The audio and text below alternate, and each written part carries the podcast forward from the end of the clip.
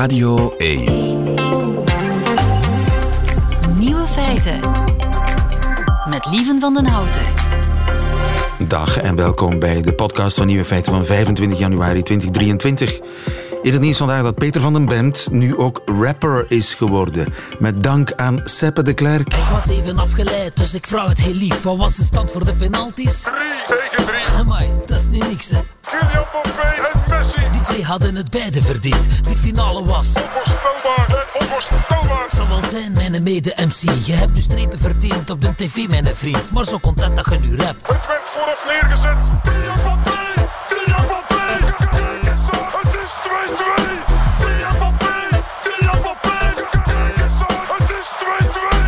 Volgens mij is die Grammy Award binnen, maar eerst nog de zomerfestivals van den Bemt. De andere nieuwe feiten vandaag. Een 80-jarige vandaag is slimmer dan een 80-jarige 20 jaar geleden. Het is nu officieel, er gaat een kolonne westerse tanks naar Oekraïne.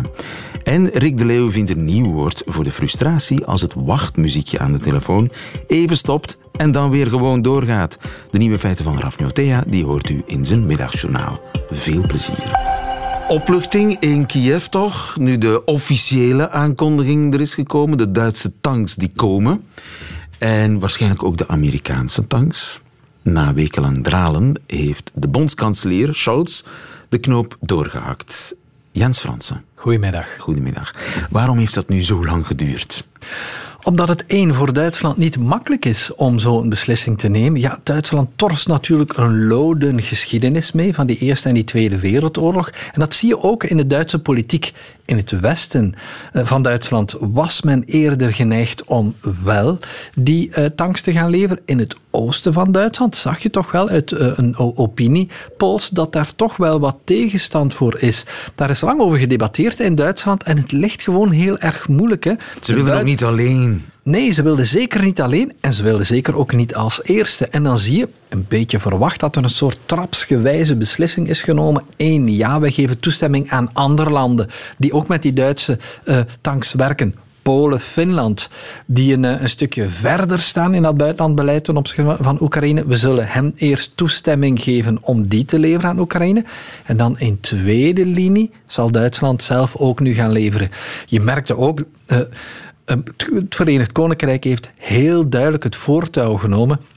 Was ook een stukje eenvoudiger voor het Verenigd Koninkrijk. Die konden zelf zeggen: in eh, Groot-Brittannië gemaakte Britse tanks kan Ja. de Britse regering beslissen, die gaan we leveren. Maar de sleutel zat toch bij de Amerikanen. Hè? En dan is de vraag, heeft Biden Scholz over de streep getrokken? Of omgekeerd, heeft Scholz Biden over de streep getrokken? Want ze doen eigenlijk ook mee, hè? ze gaan ook tanks leveren. Ja, ik denk dat het omgekeerd is. Ik denk dat het de Amerikanen zijn die Duitsland hebben overtuigd. Want voor alle duidelijkheid, ja, de Verenigde Staten gaan tanks leveren aan ehm, Oekraïne, maar die gaan het verschil niet maken. Ehm, dat zijn tanks die een, tanks die een stukje Abrams. Ja, Abrams. Hè. Maar dat zijn tanks die een stukje complexer zijn. Om maar een voorbeeld te geven. In een Leopard-tank zit eigenlijk een heel zware dieselmotor waar je relatief eenvoudig kan aan werken. In die Abram-tank zit eigenlijk een soort aangepaste jetmotor. Een vliegtuig die ook, die, die, een motor die, die je ook terugvindt in een vliegtuig. En is Daar is stuk wat opleiding voor nodig werken. om, om daar eh, wisselstukken en zo. Bovendien, ja, een tank komt niet alleen. Hè. Een tank komt met een logistieke keten. En logistiek is zeer belangrijk in deze. Hè.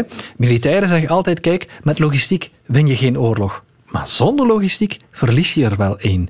En natuurlijk, als je dan verschillende logistieke ketens moet gaan opzetten, wordt dat heel moeilijk. Die Leopard-tank die heeft het voordeel, er zijn er heel veel van gebouwd en heel veel daarvan staan in Europa, meer dan 3000. En heel veel landen hebben die. Dus als verschillende van die landen een paar van die tanks gaan leveren, dan kan Oekraïne daarmee werken en heb je ook maar één logistieke keten nodig. Ja. En daarom is die Leopard-tank zo belangrijk. Ja, op het terrein zullen die Amerikaanse tanks het verschil niet maken, maar politiek natuurlijk wel. hè. Absoluut. Politiek is dat heel erg belangrijk. Amerika zit mee in het bad. Voilà. En de Verenigde Staten leveren ook een aantal andere wapensystemen die heel erg belangrijk zijn. Denk maar bijvoorbeeld aan die HIMAR-raketten. Die, die korte afstandsraketten die een bereik hebben van om en bij de 50 kilometer. Precisieraketten. Ja, die maken ook natuurlijk een verschil. Ja, dus eh, Duitsland gaat er eh 14 leveren. Ja. Eh, Finland, Tsjechië, Polen doet ook mee.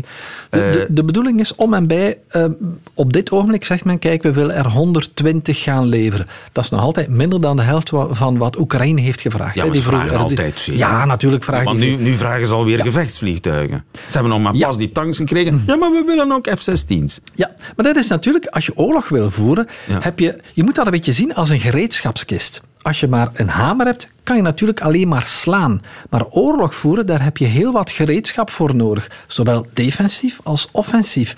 Om maar een voorbeeld te geven, in die lange lijstjes staan nu ook voertuigen waarmee je nog voor een tank door een mijnenveld kan rijden. Want wil je die Russische linies gaan doorboren, ja, dan moet je eerst een aantal mijnenvelden door. Ja. Ook dat soort heel Met alleen een hamer kom je er niet. Je hebt ook een Nee. bijtel nodig. Dat soort Voilà, dingen. voilà, dat soort Eh, dingen. Nu, eh, Nederland die heeft geen tanks, maar leest er, heb ik begrepen. Ja. En nu gaan ze misschien denken om die geleasede eh, tanks van Duitsland overigens toch aan te kopen en dan meteen ook mee te sturen. Hoe zit het in België? Ik vind het zo stil. Het is heel erg stil in België. Wij hadden ooit Leopard tanks, maar wel de Leopard 1. Die is uitgefaseerd in 2014. Ja, toen zaten we in een periode van nooit meer oorlog. We dachten dat dat niet meer ging voorkomen. we hebben ze gewoon niet. Die zijn, die zijn tweedehands verkocht. Voilà. Die staan ergens in loodsen, in stilte stof te vergaren.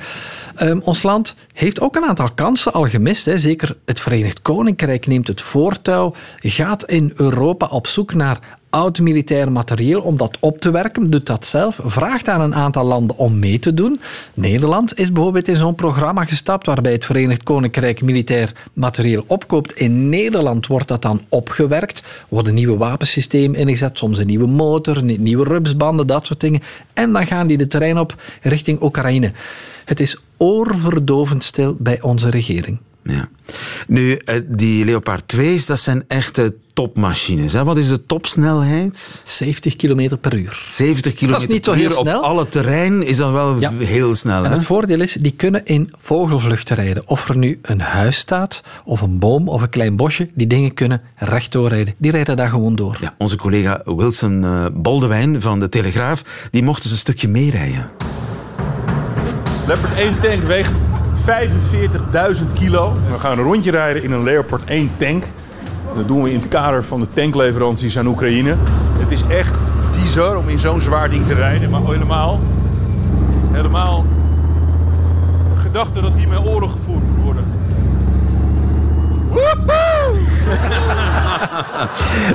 Ja. Ja, hij liet zich daar eventjes meeslepen, Wilson Boldewijn. Het, dit was een Leopard 1 tank overigens, maar die gaat Ja. ook even hard. Lieven, er heeft er ooit eentje over mij heen gereden. Echt waar. Lang geleden, Zeg toen, je nu? lang geleden toen ik jong was en Laat, ik, ik ga even onder de studio tafel. Je hebt alles nog. Nee, jaren geleden gaf het eh, Belgische leger gaven die opleiding aan jonge journalisten, journalist waarvan geacht werd dat zij mogelijk later in oorlogsterrein gingen gaan werken, kon je mee een stukje een opleiding volgen die ook militairen volgen. En dan werd er een greppel gegraven en dan moest je daar gaan inliggen. En dan lag je net onder die greppel en dan kwam er zo een tank, in mijn geval een Leopard 1 tank, over je heen gedonderd. Want echt waar, als je dat ziet, dat is heel indrukwekkend. En om niet te verlammen, moet je als militair en dan ook een beetje als journalist, als je in een oorlogsgebied wil werken, moet je daar een stukje aan wennen. En een van de oefeningen was letterlijk in een greppel gaan liggen en dan reed zo'n tank over mij heen. Ik ben trots op je. Ja. Jens. Eh, maar gaan, gaan die machines nu, want er komt dus, eh, ja, als ik het even samentel, ja, 120 ongeveer tanks eh, gaan naar Oekraïne. Gaan die het verschil maken? Ja, maar zo'n tank moet je zien als de punt van een speerpunt van een, bijvoorbeeld een infanteriedivisie. Die gaan de punt vormen van bijvoorbeeld een aanval. Want met, met een tank wil je echt wel linies gaan doorboren. Even belangrijk zijn natuurlijk ook al die gepantserde infanterie-eenheden die gaan volgen. Is de artillerie die daar rond staat, zodanig dat je eerst de vijand kan gaan bestoken. Maar natuurlijk, je hebt wel die punt nodig, die punt van de speer. Want daarmee ga je gaan doorboren. Maar even belangrijk is wat militairen dan noemen de paraatstelling. Hè, met andere woorden, heb je bemanningen die daarmee kunnen werken. Die kunnen communiceren met de commandanten die in eh, commandovoertuigen zitten, die een overzicht hebben, die drones hebben, die kunnen zien hoe zit het met de vijand. En Dus dan- daar gaan nog weken, maanden overheen ja, voor alles klaar is. Maar bovendien moet je dat dan ook nog een tijdje kunnen volhouden. Hè? Als je, ik zeg maar iets, 20 tanks nodig hebt voor een aanval, heb je er wel nog vijf in een loods nodig staan, want er zal er wellicht wel eens eentje sneuvelen. Dreigt de escalatie nu, die zo gevreesd werd door Duitsland? Dit is een stuk escalatie, vanzelfsprekend. Want dit is weer een van die rode lijnen waarvan maanden geleden werd gezegd, dit gaan we nooit doen, die nu overschreden is. Dit is absoluut een escalatie in dit conflict. Dit is natuurlijk ook het gevaar wat we al eens gezegd hebben, hè, de mission creep. Je weet waar je begint, maar je weet nooit waar je eindigt in een oorlog. Ja, want Rusland heeft al gezegd, we zijn niet onder de indruk, maar ze zijn het wel, hè? Ze zijn het ongetwijfeld wel, want natuurlijk, die tanks die komen met wat ik net zei. Hè. Dit is een speerpunt, maar alles wat daarachter zit, zal ook geleverd worden. En bovendien, die Oekraïnse militairen zullen in Duitsland, zullen in Polen opgeleid worden om daar goed mee te kunnen werken. Dus je zal een paraatstelling krijgen die wel indrukwekkend is. En je zal ook, alweer zo'n militaire term, je zal die hele machine een voortgangsvermogen geven. Je zal zorgen dat daar een logistieke keten achter zit, zodanig dat het Oekraïnse leger dat weken, maanden kan volhouden. Zouden daar nu voorwaarden aan verbonden zijn door Duitsland? Bijvoorbeeld, val er niet de Krim mee binnen? Oef, dat is een goede vraag. Want dat is echt een rode lijn voor Rusland, hè? Dat is een rode lijn, absoluut, voor Rusland. Ja, ze zouden daarvoor... He- Hebben wij nog controle? Zo van, jongens, eh, we hebben jullie dat speelgoed wel gegeven, maar eh, ga niet, doe niet dat. Ik denk dat we daar formeel wel afspraken over maken. Die afspraken zitten volgens mij in Atoma-schriftjes.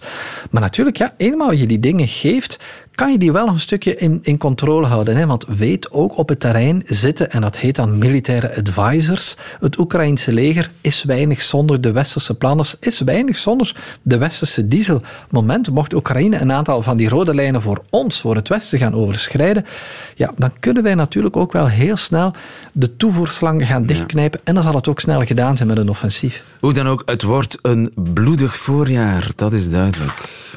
En we zullen jou nog zien. Jens Fransen, dankjewel. Goedemiddag. Het ontbreekwoord. Rick de Leeuw gaat op zoek naar woorden die in onze taal helaas nog niet bestaan. Krijg bijna een soort gulden sporenslaggevoel hierbij. Rick de Leeuw gaat onvervaard op zoek naar een nieuw eh, woord. Een woord dat helaas nog niet bestaat. Goedemiddag, Rick de Leeuw. Goedemiddag. Onvervaard. aanwezig. Onvervaard, hè? een soort vroed, vroedvrouw als het ware ben jij. Eh, want eh, ja, elke week laat jij met de hulp van de luisteraar van Radio 1 en met de hulp van Ruud Hendricks, hoofdredacteur bij Vandalen. Goedemiddag Ruud, overigens. Middag. Laat jij een nieuw woord geboren worden en er zijn al prachtexemplaren ja, hier op de, de verlostafel. Ik blijf in de metafoor. op de verlostafel verschenen paniekdozen. Schitterend. Paniekdozen, dat, zijn, ja, dat is een, een soort snelle opruimactie vlak voor je bezoek binnenkomt. We moeten nog even paniekdozen. Eh, sopperen voor de laatste restjes saus. Met brood uit je bord opscheppen. Enzovoort en zo verder. En wat was de opdracht deze week? Deze week zoeken we een woord voor de frustratie die je ervaart wanneer je bij een telefonische klantendienst het wachtmuziekje eindelijk hoort stoppen. Je denkt aan de beurt te zijn en jawel hoor, dat onnozele muziekje begint gewoon weer van vooraf aan. Ja, dat, dat kortstondige moment als de lus eh, opnieuw moet beginnen. Dat je denkt, het, het, eindelijk verlost. Nee, niet verlost. Nee. En het bleek een vraag die resoneerde bij de luisteraars. En schitterende antwoorden werden gegenereerd. We kregen woorden binnen als sneuforie, jubel, Sneuforie. Ja, oké. jubel, jubelgrom, fopcontactvrevel, wachtmerrie, dobberwee. We ontvingen verwijzingen naar de Griekse mythologie. eh teleluskwelling, tantalusbelling, Oké. Het, eh, Tantalus de hele- belling. De hele doos van Pandora ging open, ja. En hier en daar sijpelde de frustratie dwars door de taal heen en vormde een tastbare verklanking. Bijvoorbeeld, eh klote klant colère. Oké. De, Zo zie je maar de kracht van de cluster. absoluut, ja, de klote klant colère. De ingehouden woede vecht weer weg naar buiten. En maakt zelfs van een beschaafde Radio 1-luisteraar als Ingrid Janssens het schuimbekkende nichtje van kapitein Haddock. Het wachtmuziekje, de hel op aarde. Ja. Maar hebben wij Maar een top 7 of zoiets? Absoluut. Voor de top 7 hebben we ons beperkt tot de expliciete verwijzing naar de muziek zelf. Aha. En we komen uit bij bijvoorbeeld Jeroen Schepers, die zegt: Wacht me, ziekje. Wacht. Een wachtmuziekje. Een wachtmuziekje. Wachtmuziekje. Met, met, met streepjes tussen. Ja. Wachtmuziekje. Moet je zien eigenlijk, hè? Ja, of het goed uitspreken. Hè? Een wachtmuziekje. Wachtmuziekje. Ja, ja. Toch enig enthousiasme. ja, zeker. Zeker. Zeker. Ja. ja. Maar dat gaat dan eigenlijk over het muziekje in het algemeen. Niet, Ja. niet bepaald over dat ene moment. Maar goed, misschien moeten we dat door de vingers zien. Ja, het is moeilijk, hè? Want ja. dat ene moment is wel een heel beperkte opdracht. ja. Laten we zeggen, eh, de ergernis over dat wachtmuziek. Ja, het, het, wachtmuziek. Vooral die, ja, wachtmuziek. klopt, hè? die, die, die samenhoping van die Ja. wanhoop Ja. en die woede en die ergernis. Muziek hier. Ja, ja. Oké. Ja. Rick Treffers zegt: Muzak en aswoede.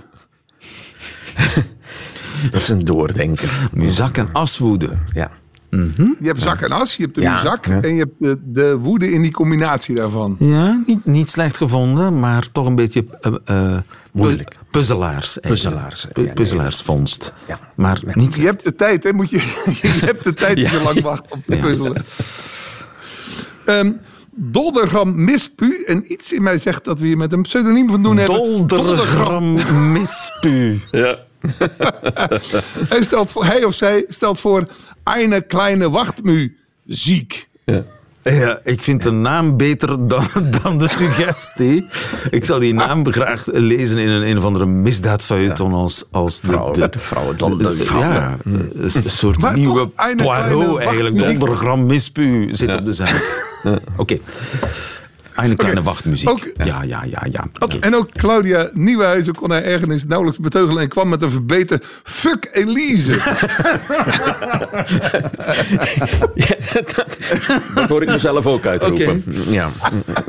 Het staat niet echt in een woordenboek, hè? Ja, ja, ja Nee. kijk. Daar moeten we misschien even doorheen kijken op dit moment. Een fuck Elise. La- laten we- Claudia, laten we hebben, voor er- iets we, met- we hebben begrip voor je woede, Met Claudia. emotie. Ja. Oké. Heerlijk, heerlijk, heerlijk, Ja. heerlijk. Zalige opdracht dit. Eh Karel Andries, Andries doet het iets beschaafder en, komt beschaafder en komt met het prachtige Ringelorelei. Ja. ja. Wagner op de achtergrond. Ja, Lorelei. De Lorelei. Ja. Ringeloren. Iemand, ringeloren. Ja. Ja. Moeilijk wel, hè? Moeilijk, ja. Hoogdrempelig, ja. zullen we Ja, zeggen. ja, ja. De meerwaardeluisteraar. Meerwaardeluisteraar, Radio 1 luisteraar. We kennen hem. Eh Rien de Leu komt met Rinkelrancune. Rinkelrancune, een mooie alliteratie. Maar waar slaat het op, hè? Ja. Rinkelrancune. Ja, ja. We moeten het ons eigen maken misschien, hè, zo'n Ja, woord. ja, ja. Want, want ja, het, de rancune zit niet zozeer in het rinkelen, hè, maar dat er helemaal niks gebeurt. Ja. Ja, dat is Ja. Niet rinkelen. Het Ja. Niet rinkelrancune, Het eigenlijk. blijft eh, altijd fucken. Rinkelloos rancune. Ja. Ja, oké. Goed, toch maar. Marleen Verhelst, Ma- Marleen Verhelst maakt de top 7 rond met een sardeuntje. Een sardeuntje. Of een sardeuntje. Een sardeuntje. Een sar, sarrend deuntje eigenlijk, hè? Een Ja, sardeuntje. ligt daar of je, of je het sardonische erin, het Ja. sarcasme erin voelt. Goh. Het sardeuntje, het sardeuntje. Nou. Je kan hem van langs twee kanten benaderen, deze. Ja, klopt. klopt. Nu hebben we, alle zeven, we hebben ze alle zeven gehad, hè? Nu moet ik weer de knoop doorhakken. Ja, moeilijk, denk mij, lijkt mij. Het, Van, het is, ik vind het ook heel het was misschien een hele moeilijke opdracht. Ja, dus ik, ik voel wel iets voor het wachtmuziekje. Ehm, Wacht, muziekje. Jeroen Schepers, ja. ja, Oké. maar ook die fuck Elise, dat, dat vind ik zo... Een fuck Elise. zo van het moment dat, dat zo Ruudje verbaast begint. me. Wel, we noemen het het moment als het wachtmuziekje opnieuw begint, dat is het fuckelize moment. Wow! Ik ben er heel blij mee. We hebben een nieuw woord voor het eh, moment waarop het wachtmuziekje even pauzeert en dan weer eh, doorgaat. Dat is een fuckelize. Ja. Met dank aan Claudia Nieuwenhuizen. Ik ben er heel blij mee, fuck Elise. Ja, het ja. ligt in de... Ik voel het. Het- ik schrok gewoon, ja. eerst, maar het, kan, het kan gewoon. Ja, ja. En toen kwam die fuckelize En toen kwam die fuck Elise. Jeetje. Hoeveel fuckelises heb jij al meegemaakt vandaag? We hebben een nieuwe opdracht nodig, volgens mij. Ja. Ja, en het, het zal ongetwijfeld komen door de troosteloosheid van de trage januari-dagen. Door die grijze blubber die zanikt in de straat. Ik heb het over het sluimerende verlangen om ergens anders te kunnen zijn. Ergens ver weg van hier. In het Duits bestaat daarvoor de prachtige term Fernweh. Juist, ja. Ja. Heimwee. Fernweh. Het is het tegenovergestelde inderdaad van heimwee. En het wordt gebruikt om het verlangen naar ver weg te beschrijven. En heimwee is inmiddels volledig in het Nederlands ingeburgerd. Zowel in uitspraak als in spelling. Maar het begrip fernwee kennen we echter niet, nog niet in onze taal. Graag zouden we dus een fraai Nederlands woord vinden voor het Duitse fernweh. Dat verlangen naar een plek ver weg van hier. Ik heb dat verlangen op dit ogenblik zeer intens. Want die januari maand die duurt inderdaad nu al een maand of drie. Ja, toch? dat, Mensen, komt geen aan. Eindeloos. Die kou en die... Eerst die regen en dan die kou. En dan... Fernweh. Een, Nederlandse, eh, een Nederlands equivalent daarvoor. Zet je hersenen aan het werk en laat ons weten wat u bedacht heeft. Reageer via de app van Radio 1, het Nederlandse equivalent voor fernweh. En volgende week hakken we dan de knoop door. Dank heren.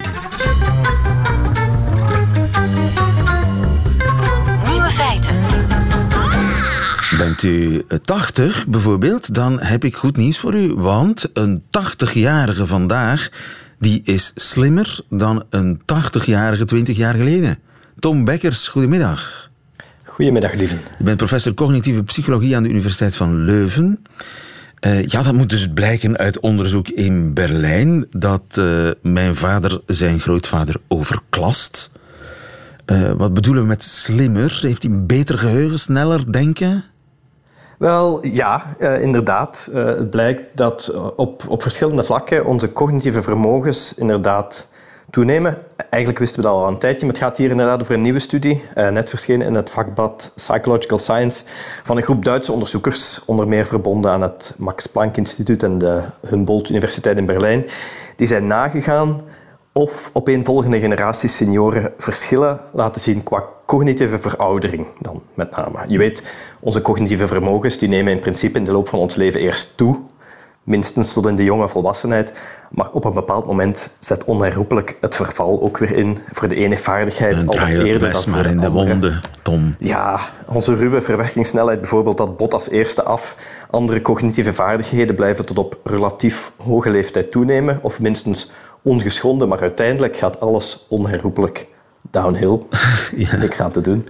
En... de vraag die deze auteurs zich dan stelden was of er tussen opeenvolgende generaties, pakweg dus senioren van nu versus senioren van 20 jaar geleden, een verschil is, met name in wanneer dat, dat verval inzet en of de snelheid waarmee onze cognitieve vermogens de dieperik ingaan eens eh, beginnen vervallen, of dat ook ehm, ja, dezelfde is gebleven of Ja, dat ja. dat ook veranderd is. Dus eh, kun je je afvragen, ja, is dementie opgelost? Het probleem van de dementie, is dat aan het verminderen? Dat, ja, is dat, aan het is inderdaad een verkleinen, beetje dat probleem? vraag. Dat is een beetje de vraag. En de reden dat de auteurs zich die vraag überhaupt stelden, is eigenlijk het bestaan van het Flynn-effect. Dat is het, Het fenomeen dat... Flynn-effect, wat is Het, het? het Flynn-effect. Ja, dat is het fenomeen dat eigenlijk over alle leeftijden heen opeenvolgende generaties steeds slimmer lijken te worden. Eh, of in ieder geval toch steeds beter presteren op intelligentietests. We worden met z'n allen met de jaren slimmer. Ik bedoel, ook Steeds de slimmer. 50-jarigen vandaag zijn slimmer dan de 50-jarigen van 20 jaar geleden. Ja, en de twintigjarigen van vandaag, die, die toenemende prestatie over een, opeenvolgende generaties, dat is een min of meer constant gegeven over de loop van de hele 20e eeuw en ook nu nog met pakweg elke tien jaar het equivalent van drie IQ-punten die erbij komen qua prestaties. En is dat Darwin at work? Oh, wellicht niet helemaal. Dat heeft ehm, wellicht niet zo heel veel met, met eh, genetica te maken. Want als je kijkt over een eeuw, geeft dat eigenlijk een toename van, van 30 punten. Hè, drie Dat is een beetje veel hè, jaar. voor Darwin. Dat is, dat is gigantisch. Dat betekent dat een twintiger die in 2020 een geheel gemiddelde intelligentie had, eigenlijk even goed presteerde als een twintiger uit 1920 die bij de slimste 2% van de populatie hoorde. Ja. Of omgekeerd, iemand van perfect gemiddelde intelligentie aan het begin van de 20e eeuw, die deed het eigenlijk op zo'n test maar net zo goed als iemand die we aan het begin van de huidige eeuw als op de rand van verstandelijk beperkt Ja, zouden aanmerken. Ja. Ja, Alright. En dat, je zal dat maar, kan je hè? onmogelijk... Je zal maar slim zijn in, in, de, in 1902. Dan ben je een debiel in 1982. Daar komt het bijna Ja. op neer, ja. En, en dat kan je moeilijk genetisch, eh, aan, aan genetische veranderingen toeschrijven, want genetica dat verandert niet zo snel in een populatie. dus het moet aan de betere levensomstandigheden liggen. Beter onderwijs. Dat soort Ja, er is nog altijd eigenlijk veel discussie over waar dat Flynn-effect precies door te verklaren valt. Wellicht speelt er een veelheid aan factoren, waaronder betere voeding, met name minder ondervoeding. Eh, betere gezondheidszorg, ongetwijfeld. Minder infectieziektes lijken met name een belangrijke factor. En daarnaast ook betere scholing, meer stimulatie op jonge leeftijd. Denk ook aan het feit dat gezinnen steeds kleiner zijn geworden. Dus eh, meer aandacht per kind, minder armoede. Al die dingen die ook op elkaar weer ingrijpen, heeft er wellicht allemaal mee te maken. Ja, en is dat Flynn-effect nu de enige verklaring waarom de 80-jarige vandaag zoveel slimmer is dan de 80-jarige van 20 jaar geleden? Wel, ehm, daarvoor moeten we misschien even terug naar die studie. Ehm, dus zoals gezegd, we weten al dat dat Flynn-effect ook bij ouderen optreedt. Dat wisten we al. Ook daar zie je dat opeenvolgende generaties steeds beter presteren op intelligentietests. Maar de vraag die de auteurs van deze nieuwe studie zich stelden was dan dus of dat ook betekent dat we het moment waarop onze cognitieve vermogens beginnen af te nemen, of we dat hebben kunnen uitstellen, vergeleken met enkele decennia geleden, en of die afname dan ook minder uitgesproken is dan vroeger eens ze begint. De vraag dus eigenlijk of we tot op latere leeftijd op hoog relatief cognitief niveau kunnen blijven functioneren, wat op zich een heel erg belangrijke vraag is, want we worden met z'n allen steeds ouder. En voor kwaliteitsvol ouder worden helpt het als je cognitieve vermogens niet te zeer achteruit gaan. En wat is het antwoord op die vraag? Ja, misschien eerst even kijken hoe de auteurs dat onderzocht hebben. Ze, ze hadden het geluk Je om... maakt het spannend, Tom. ja, tuurlijk, tuurlijk. Eh, Ze hadden het geluk om te kunnen beschikken over gegevens van twee vrij unieke studies. Waarin twee verschillende generaties senioren uit de wijde regio van Berlijn, de ene geboren rond de eeuwwisseling, dus kort, of voor, na, eh, kort voor of na 1900, en de andere geboren rond 1935 ongeveer, eh, waar die twee generaties dus over een periode van minstens tien jaar herhaaldelijk steeds dezelfde cognitieve testbatterij hadden ondergaan. En ze hadden in totaal data van zo'n 800 testpersonen. Nu, die testbatterijen die waren voor die twee generaties niet helemaal dezelfde, maar ze hadden wel elk één heel erg gelijkaardige test. De herhaalde testbatterij voor de eerdere generatie bevat een letter-cijfer substitutietaak, waarbij je eh, elk- telkens dezelfde letter door eenzelfde cijfer moet vervangen. En eh, voor die jongere generatie had die herhaalde testbatterij een symboolcijfer-substitutietaak. Bijna hetzelfde, ja. Ja, en dat zijn twee taken die eigenlijk een heel goede maat geven voor algemene intelligentie. En dus konden ze met wat statistische eh, trucjes de data van die twee groepen naast elkaar gaan leggen. En die deelnemers in die twee groepen die waren gemiddeld 78 jaar, maar sommigen waren wat jonger aan het begin, sommigen wat ouder. En dus konden die onderzoekers op basis van de gecombineerde gegevens voor de twee generaties het verloop van hun prestaties op die taak modelleren eigenlijk tussen 70 en 88 jaar. Juist. En zien waar je de dan? aftakeling begon.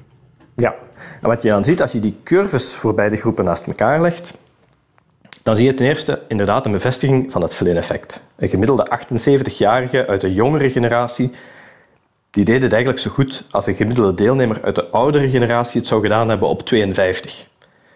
Dus, dus 70 really is the new 50. Jee! Jee. Maar wat de auteurs helaas ook zagen, is dat het moment waarop het cognitieve verval inzet, eigenlijk onveranderd is gebleven. Oesje.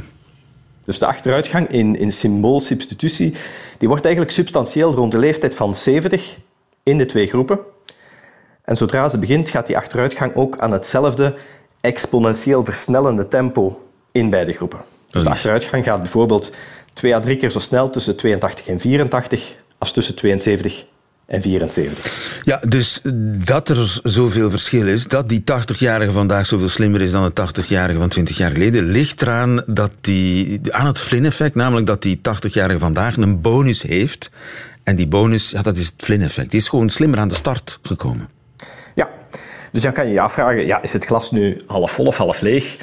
Iemand van 80 nu doet het dus veel beter dan iemand van 80 enkele decennia geleden. Zal dus minder snel ook aan de criteria voor dementie voldoen.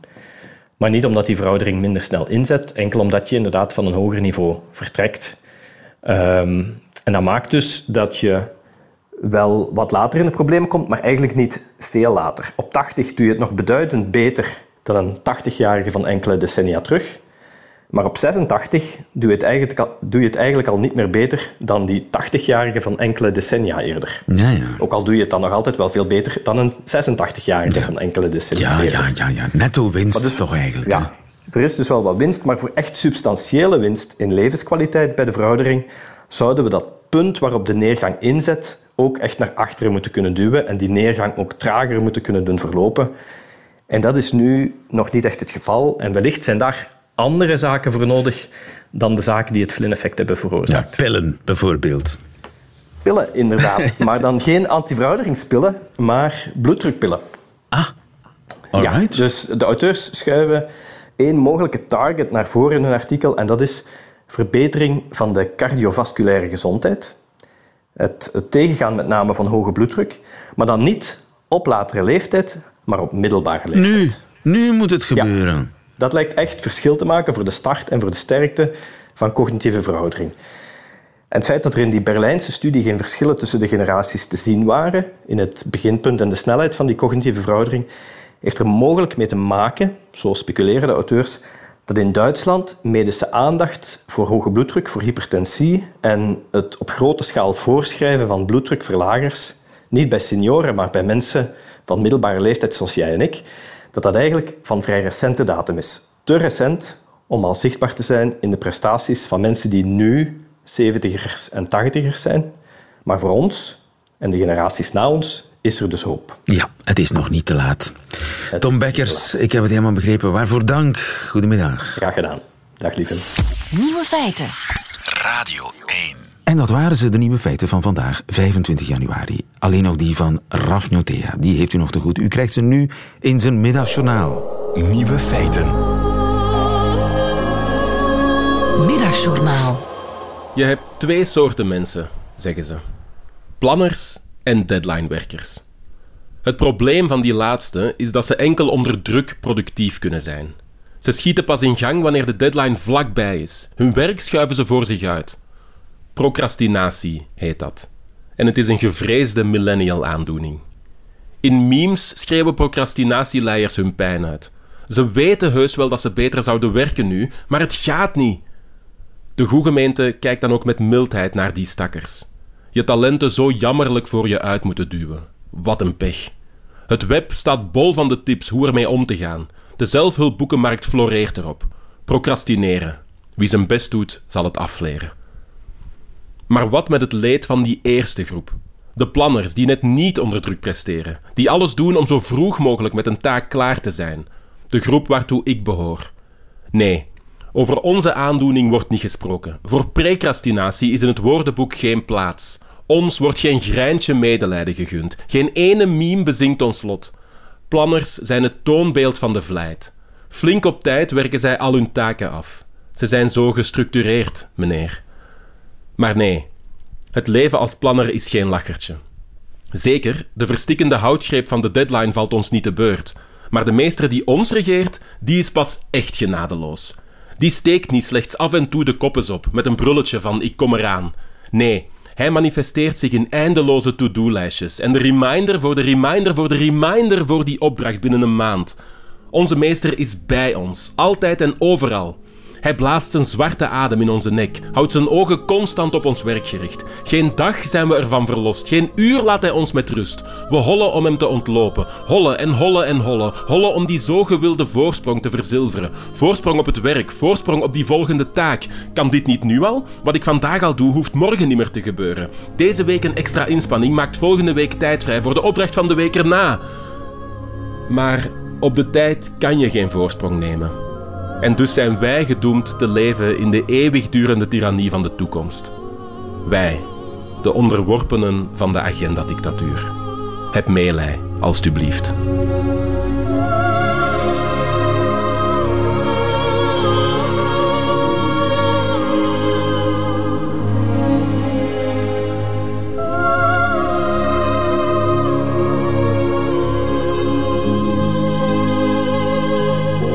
Middagjournaal van Raf Notea. Einde van deze podcast. Hoort u liever de volledige nieuwe feiten met de muziek erbij? Dat kan natuurlijk elke werkdag live tussen 12 en 1 op Radio 1. Of on demand via de Radio 1 app of website. Tot een volgende keer.